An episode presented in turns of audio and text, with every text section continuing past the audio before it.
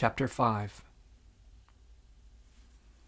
Unlike the cool kid slowly walking down the hallway, I care if I'm late for my next class, because period 7 on Tuesday means English with Mr. Gold. I'm not in a rush to get there because I like his class. I'm in a rush to get there because anybody who is late must sing a song for the class. It is not like I am usually late for other classes, just that I absolutely cannot be late for Mr. Gold's class. Right now, we are reading Lord of the Flies. A plane crashes onto a remote island, and all these boys are stranded there. Since there are no adults, the boys have to figure out what to do how to get food, where to sleep, and how to build a fire big enough so rescuers can find them. I'm only like a third of the way through it, but I can already tell it is not like most stories we read in school. It is interesting how the boys organize themselves into a kind of tribe, divided into hunters who go out in search of wild boars, and the other boys who build huts, tend the fire, and look out for the younger, smaller kids. The book makes you question what your role would be on the island. Would you be a leader or a follower, a builder or a hunter? I would not be afraid of the boars, but I cannot imagine killing one no matter how hungry I got. I would like to build my own hut, far away from the others. I love the idea of sketching out the dimensions of the floor by dragging a stick through the sand, then shoving tall poles that I cut myself into each corner to start erecting the walls. With my luck, I would be on a plane with all the stuck up bitches and senseless boys in this school. Then I know which character I would be. I would surely be Piggy, the fat boy who the other boys tease. The one thing they respect about Piggy is how he can use his thick glasses to start fires by concentrating rays from the sun onto a small pile of twigs. I don't wear glasses, so I would not have anything to impress my classmates. I would just be the same outcast I am at school. I am practically already a castaway. I am thinking about all this when somebody bumps into me from behind. It is not one of the bitches, it is a boy who I do not know. He does not hit me very hard. He immediately says I'm sorry, and he even seems to mean it. The problem is my backpack falls onto the hallway floor. The only thing that slides out is my homework folder, but several papers scatter. We hardly have enough time between bells to get to class as it is, and now I'm on my hands and knees, dodging the other students as I gather the pages back together. Fortunately, none of the bitches seem to be nearby, or at least they do not say anything. I'm surprised nobody is teasing me, but nobody is helping either. I stuff the folder back into my backpack and pull the zipper closed. Then I stand up. I decide to break the no running in the hallways rule. I would way rather have detention than bring. I swear, I'm like two seconds away from being inside the classroom. The last kid there, the first kid late this week. What makes it worse is Mr. Gold is staring at me with this wide, ugly grin on his face. If you saw him outside school, you would think he is a pretty good looking guy, but his expression now is like a rancid smell that can spoil an otherwise nice room. Ms. Marquez, what song have you prepared for us this afternoon? Every swear word I know is throbbing in my mind. It has been so long since we had a nice song. Worst. Something upbeat, I hope. Case. Or perhaps a love song? Scenario. We are ready when you are. Nothing can get you out of singing in front of Mr. Gold's class. One time, it was one of the burgers who was late. Even though the resource person said it was her fault, Mr. Gold still made him sing in his robotic voice. So we got this robotic rendition of Happy Birthday.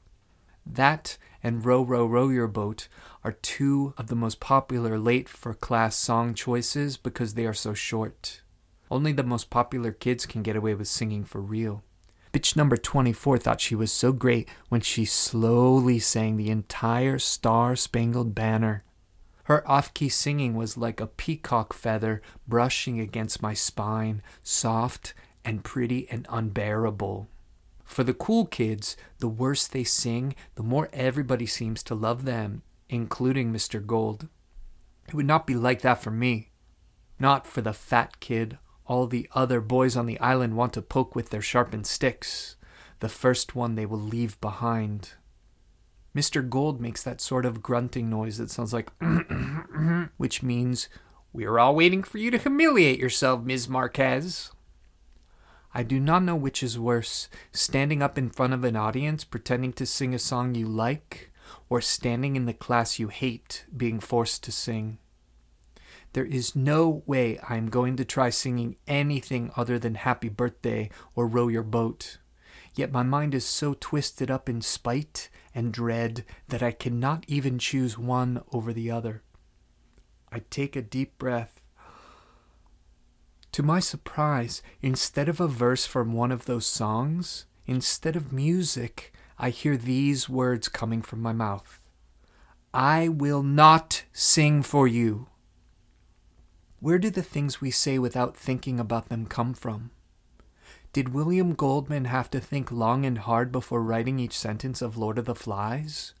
Or were there times when the words just came out of him? When the words flowed in a steady stream, building up the image of two boys becoming friends as they run through the jungle together, or a friendship breaking apart suddenly? Do I think so hard about what to say because of my mother? Because of growing up in a home, in a series of homes, with so few words?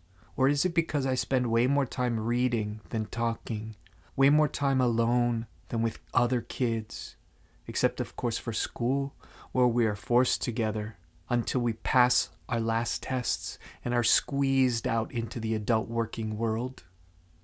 I was sure I was about to sing, was about to feel that too familiar shame, just about the worst thing you can experience. I would rather get punched hard, right in the stomach.